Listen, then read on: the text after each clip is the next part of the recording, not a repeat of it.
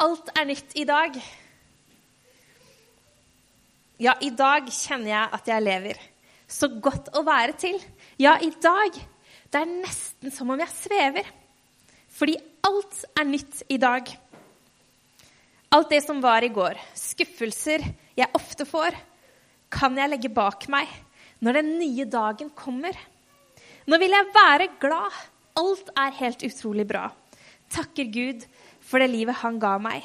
Nei, takke Gud for han ga meg livet. Er ikke enkelt å beskrive denne dagen. Er så takknemlig for det livet her og nå. Det er rett og slett litt av budskapet jeg ønsker å dele i dag. Det første punktet er brennende. Jeg og Niklas og Jon Ole vi har jo prata sammen mange ganger. Ene gangen var nå her forrige uke, eh, hvor vi prata litt. Og vi snakka om drømmer og tanker og hva vi ønsker å se for ungdomsarbeidet spesielt. Vi snakka om hvilke ressurser vi har, og for så vidt hvilke ressurser vi ikke har. eh, og så var det én setning som Niklas sa, som jeg kjente bare Ja, det er akkurat det. Fordi Niklas sa det. Ingenting betyr noe så lenge de er tent for Jesus. Det spiller ikke noe trille om vi har full, Eller spiller ikke noe rolle, sa han. Jeg sier trille. Beklager. Det spiller ingen rolle om vi har fullt band. Jeg vil heller ha én stykk som virkelig opplever å bli tent av Jesus, og som brenner for Jesus, enn fem stykk som kan spille et instrument. Og det var litt det vi på en måte Ja. Eh, jeg føler at vi på en måte landa i, eller hva jeg skal si, når vi prata, at det spiller ikke noe trille med alle de tingene som er rundt. Det spiller egentlig ikke noe trille om vi er to eller 20 på Connected. Selvfølgelig er det flott med 20, men hvis de to som er der, opplever å bli tent i hjertet av Jesus, at de får lov til å brenne innvendig fordi at de bare kan ikke la være, så er faktisk det mer verdifullt. Det er faktisk mer å bygge på for livet deres og mer å bygge med et ungdomsarbeid på to som er brent for Jesus, enn 20 som er litt halvunkne. Så det var noe av det som vi på en måte landa i at hm, et brennende hjerte det er egentlig det viktigste. Niklas nevnte i også preken sin for to uker siden så snakka han litt om det om å være lunken. Lunken kristen kontra en brennende kristen. At en lunken kristen er egentlig ikke så veldig farlig. Eller det utgjør liksom ikke så store forskjellen. Men det er nettopp det at hvis man er en brennende kristen, en som har blitt tent på innsida, ja, da, da begynner vi å snakke. For da kan det skje store ting. Da kan vi få lov til å oppleve store ting rundt oss. Vi kan lese om mange av de i Bibelen som har fått lov til å se livet sitt snudd opp ned pga. at Gud kom inn. Vi har jo, jeg er jo litt forskjellig foran David. Første gangen vi kan lese opp han, eller første møte hvor det står at Gud velsigna han spesielt, det var nå bare en liten gutt. Dagen før så var det ingenting som tilsa at han skulle få lov til å leve et ekstraordinært liv med Gud. Han var ute med småfe. Jeg tror ikke at faren hadde en spesielt plan og tenkte du, sønnen min, du kommer sikkert til å bli konge, du. Jeg tror ikke han sa det når han var to eller tre eller ti. Det var ikke noe spesielt i forkant. Men Gud så noe spesielt. Og Gud hadde sett at han, han ønsker deg å velsigne spesielt. Da spurte Samuel, 'Var dette alle guttene dine?' 'Nei', svarte Isai. 'Det er enda en igjen, den yngste.' 'Han er ute og gjeter småfe. Send bud etter ham', sa Samuel. 'Vi setter oss ikke til bords før han kommer.' Så sendte Isai bud etter ham. Han var rødkinnet, hadde vakre øyne og fagert utseende. Herren sa, 'Reis deg og salv ham, for han er det.' Da tok Samuel oljehornet, salvet ham der han sto blant brødrene sine. Fra den dagen kom Herrens ånd over David og var med ham siden. Så brøt Samuel opp og dro tilbake til Rama. Dette var jo starten på en lang reise. Det var ikke en enkel reise. Men da ble altså da David salva. Og det står at Guds ånd kom i han, og han var der siden. Det løftet har jo også vi fått. At Jesus også skal få lov til å stå ved vår side. At Den hellige ånd skal komme inn i oss, og han skal være der siden. Det har på en måte ikke noe stopp. Vi har også disiplene til Jesus, som sto midt i sin hverdag. Midt med alt det de holdt på med. Og jeg ser det litt for meg. De var fiskere, var på vei ned til båten sin. Prata kanskje litt smått på veien om stort og smått og sa ja, tror du vi får noe fisk i dag? Nei, men får noe se. Og der nede ved båten, når de står med garna sine, midt i sin hverdag, så møter de Jesus. Og det også forvandler jo alt, fordi da sier jo Jesus, som det står, 'Følg meg'. Og så sier det 'straks lot de garnet ligge og fulgte han'. Straks. De tok ikke noe betenkningstid. Det hadde jo passa litt dårlig hvis de sa 'Du, vet du hva, vi fikk lite fisk i går. Må få mye fisk i dag. Kom tilbake i morgen.' Kanskje litt sånn akkurat nå er det mye fisk å få, så hvis du kunne komme tilbake neste sesong, for da er det alltid labert, da kan vi ta noen dager fri, fri og bli med deg på den reisa du snakker om. Da passer det bra. Akkurat i dag not so much. Da hadde den sjansen gått. Jesus sto der da. Helt uforberedt på dem. Helt ut av det blå kom han inn i hverdagen og sa, 'Følg meg. Slipp det du har i hendene, og følg meg.' Og da er det litt tøft at det er akkurat det de gjør. Det står 'straks'.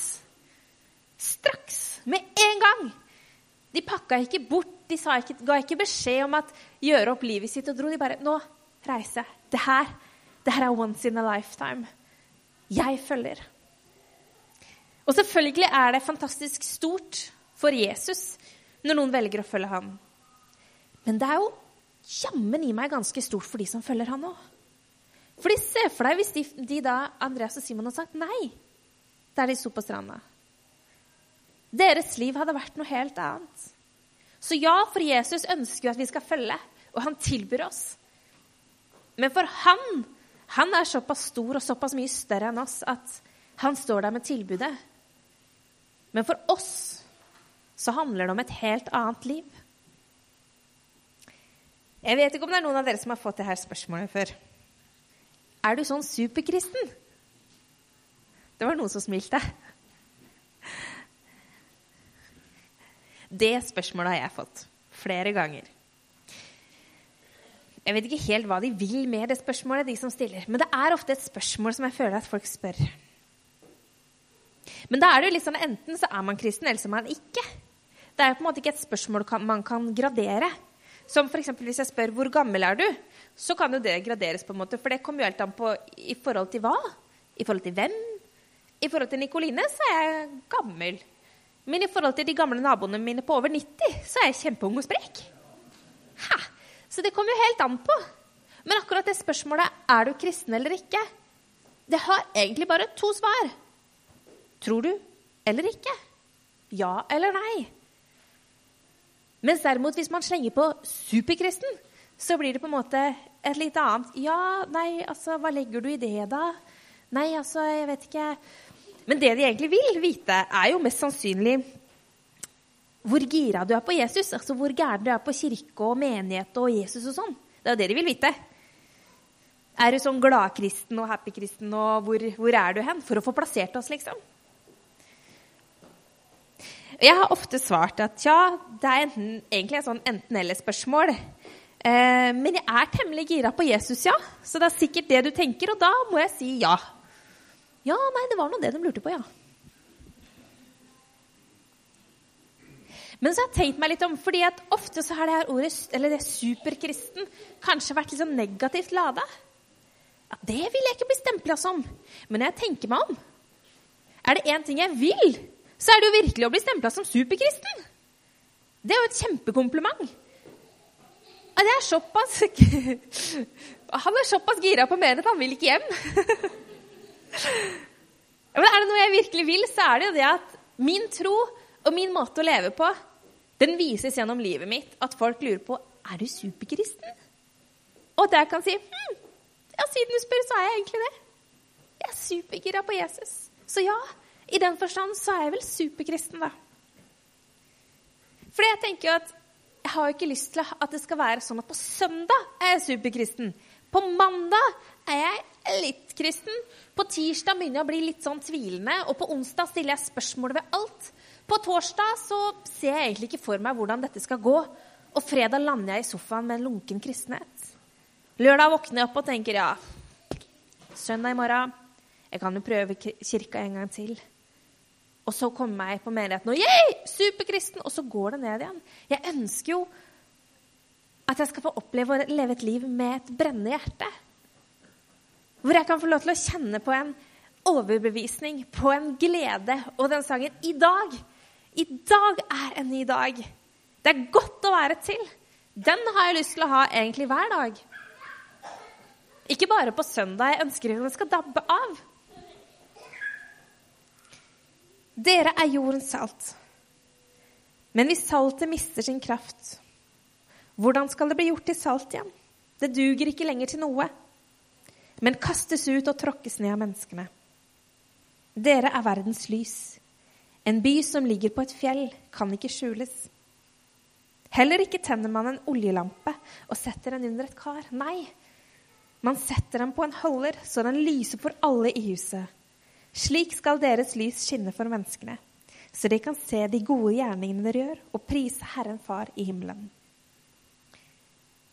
Nei, den som er i Kristus, er en ny skapning. Det gamle er borte. Se, det nye er blitt til.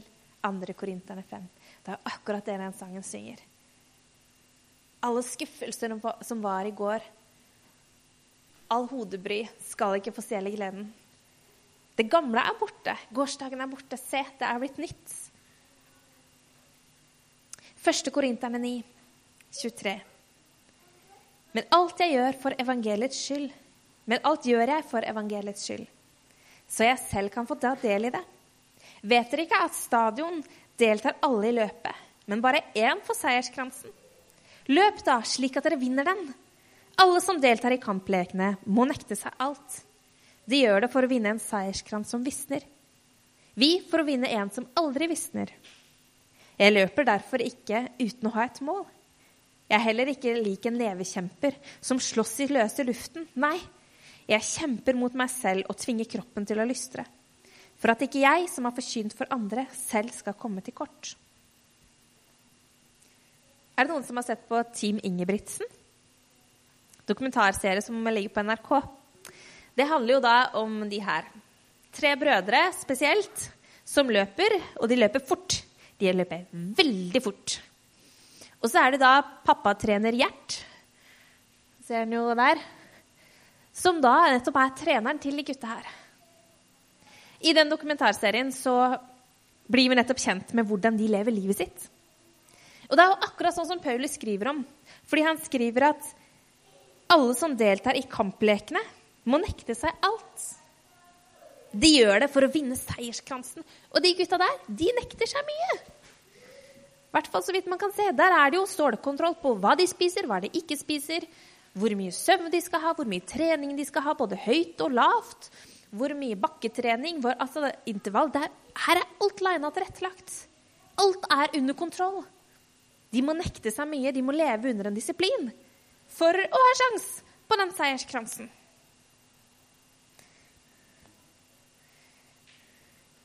Men så er det akkurat det, da.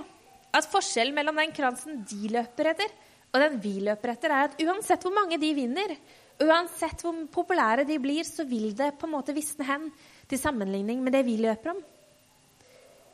For det vi løper om, det er jo nettopp evigheten, sannheten, som egentlig betyr veldig mye mer enn hvor mye fortere du løper, selv om det er på TV. Jeg har ikke sett så mye på ting Ingebrigtsen, men allikevel så tror jeg at enkelte ting kunne vi kanskje lært. For det er jo noe med det å være villig til å legge opp hele livet ditt rundt noe. Absolutt alle deler av livet legges opp pga. den ene tingen. Og da tenker jeg at hvis du skal gjøre det, sånn som de gjør, så må du brenne for det. Hvis ikke så gidder du ikke. Da blir du umotivert og lei. Og så kan det godt være at de blir det i perioder, det kommer jo litt fram, men, men allikevel så har de liksom bestemt seg for noe, og de går for det.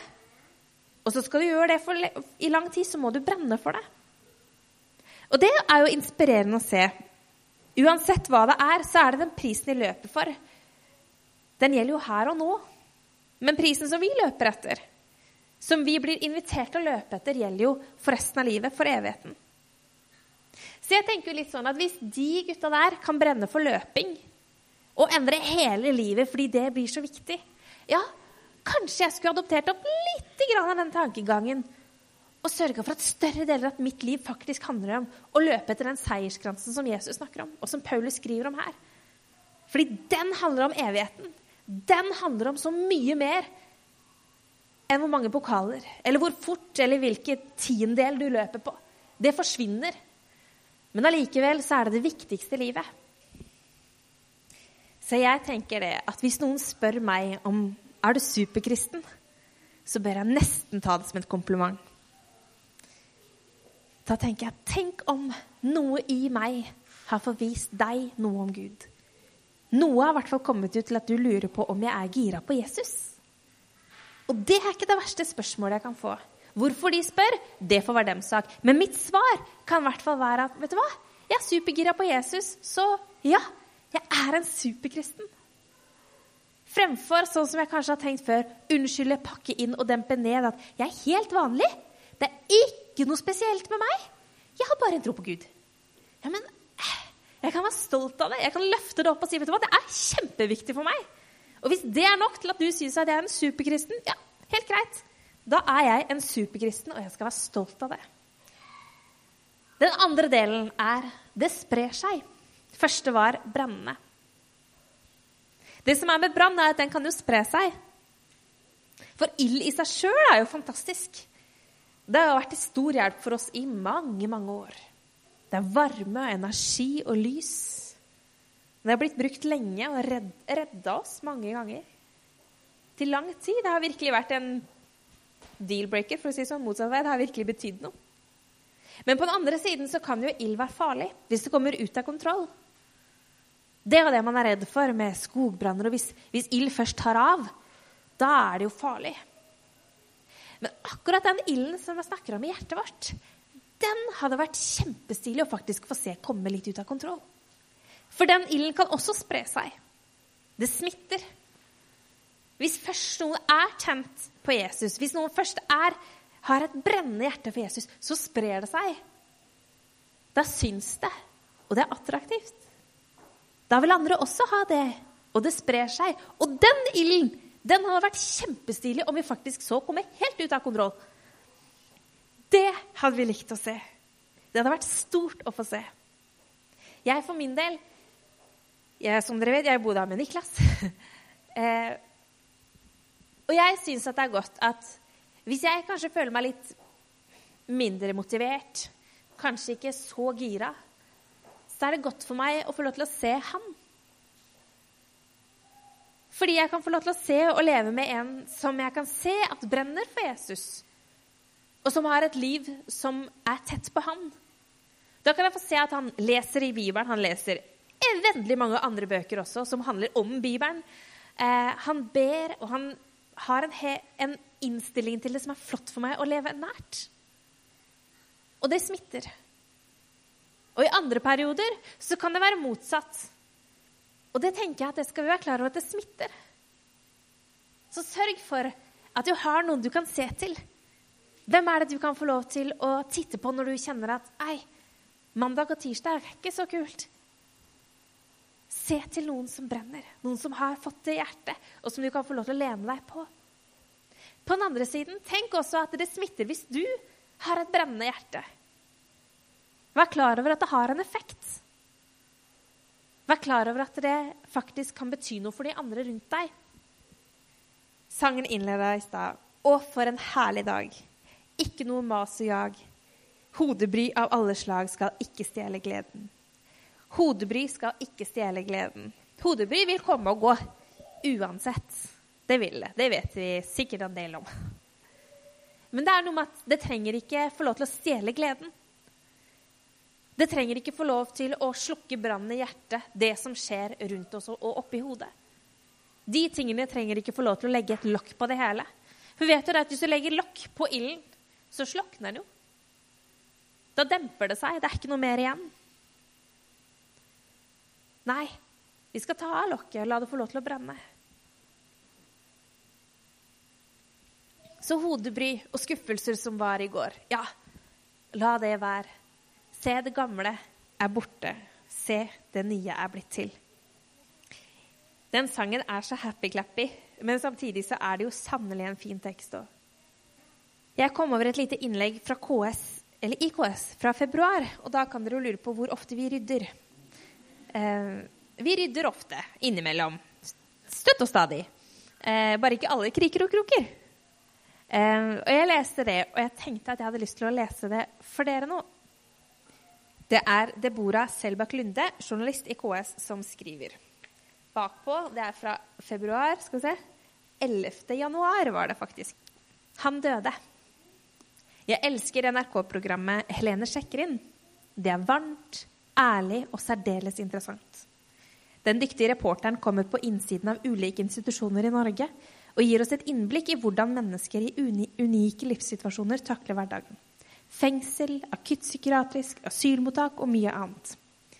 Men den episoden jeg så forrige uke, gjorde vondt. Jeg var ikke klar for å se det jeg fikk se. Jeg visste at Helene var på besøk hos Hospits Lovisenberg, som er en lindrende enhet for de som har kort tid igjen å leve. Det visste jeg. Men jeg visste ikke at jeg skulle se en mann trekke sitt siste sukk. Ikke på den måten.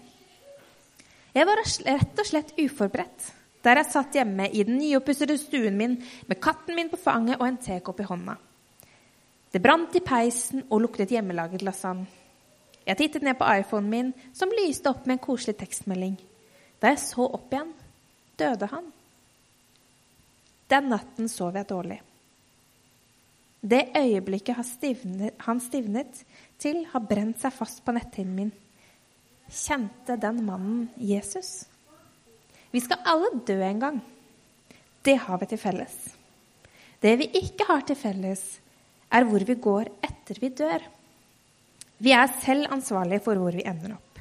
Men som kristne er vi også delvis ansvarlige for alle andre. Det er vårt ansvar at mennesker vet at de har et valg om hvor de skal tilbringe evigheten.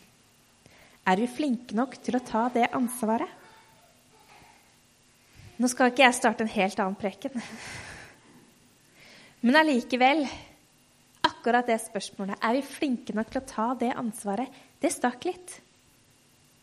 Og det bør stikke litt, tror jeg. Fordi jeg vet sannelig ikke.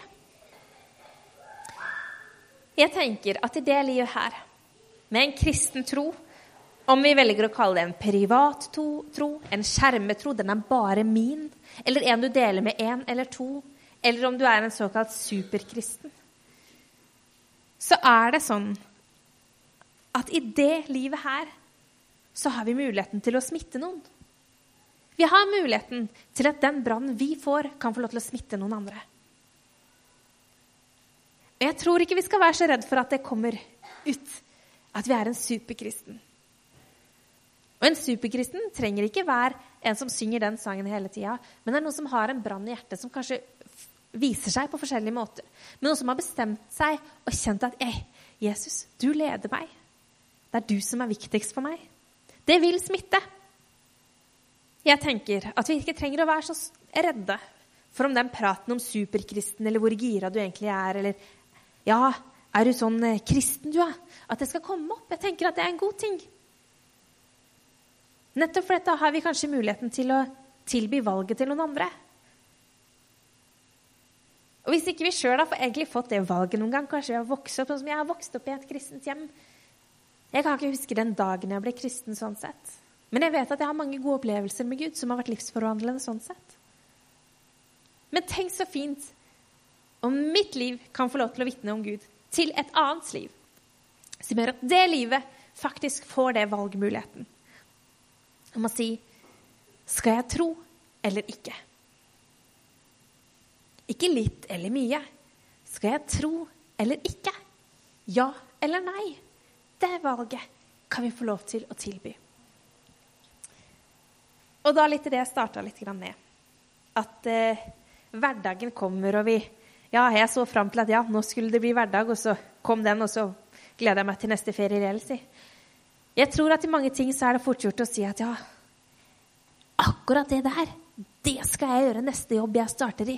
Eller akkurat det der, det skal jeg gjøre kanskje neste sommerfest. Eller med, hvis, altså hvis naboen flytter ut, og det flytter inn noen nye, da skal jeg i hvert fall ta det med én gang. Så er det liksom gjort. Jeg tenker at den sangen i dag Det spiller ikke noe trille hva som skjer i morgen. I dag har vi jo muligheten. Så i dag kan vi faktisk få lov til å bestemme oss. Yes, Gud, jeg er klar. Hjelp meg til å søke deg, hjelp meg til å fokusere på deg, hjelp meg til å sette deg først, Gud. Hjelp meg til å få lov til å være et lys som virkelig syns. Ikke som døvner hen, men som faktisk kan få lov til å bety noe, Gud. Jeg tror på at vi skal kunne leve her og nå, som den sangen sier. Ikke at vi skal leve i verken det som har vært, med de tingene som har skjedd, men heller ikke i tida som kommer der framme. Men lev her og nå. Se på dagen i dag som den største muligheten vi har fått. Og ta den og grip den godt med begge hendene. Vi skal få lov til å kjenne at vi lever, og det er på godt og vondt. Men hvem er det som ikke vil det? Kjenne at man lever litt. Tørre litt. Gå litt. Eller kanskje stupe og lande med et mageplask, men du overlever det òg, si. Men kjenne at vi lever litt. At vi tør. At vi går ut. Med et hjerte som brenner for Jesus. Med et så brennende hjerte at det smitter. Da er det nok ikke noe tvil om jeg er en superkristen eller ikke. Men samtidig så tenker jeg at det er en god ting. Jeg vil heller være en superkristen og holde det høyt. Og heller få det spørsmålet ti ganger ekstra enn at ingen vet eller ingen tør, og ingen kommer og snakker. Men bare lar det gå.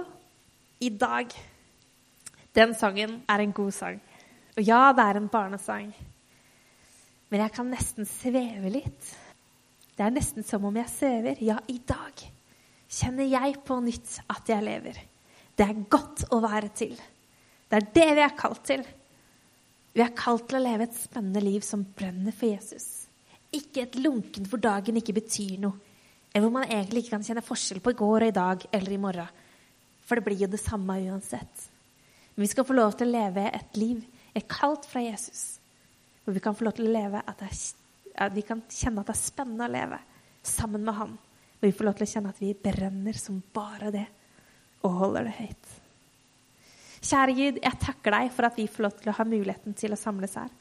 Jeg ber Gud om at vi skal være frimodige. At vi skal få lov til å søke deg og sette deg først, Gud. Hjelp med oss når det er vanskelig. Vis oss din vei. Hjelp oss til å holde troa høyt og sette deg høyt, Gud. Hjelp oss til å smitte hverandre, til å støtte hverandre. Takk for den nåden du har for oss, så vi får en ny dag hver dag. Takk for din kjærlighet. Amen.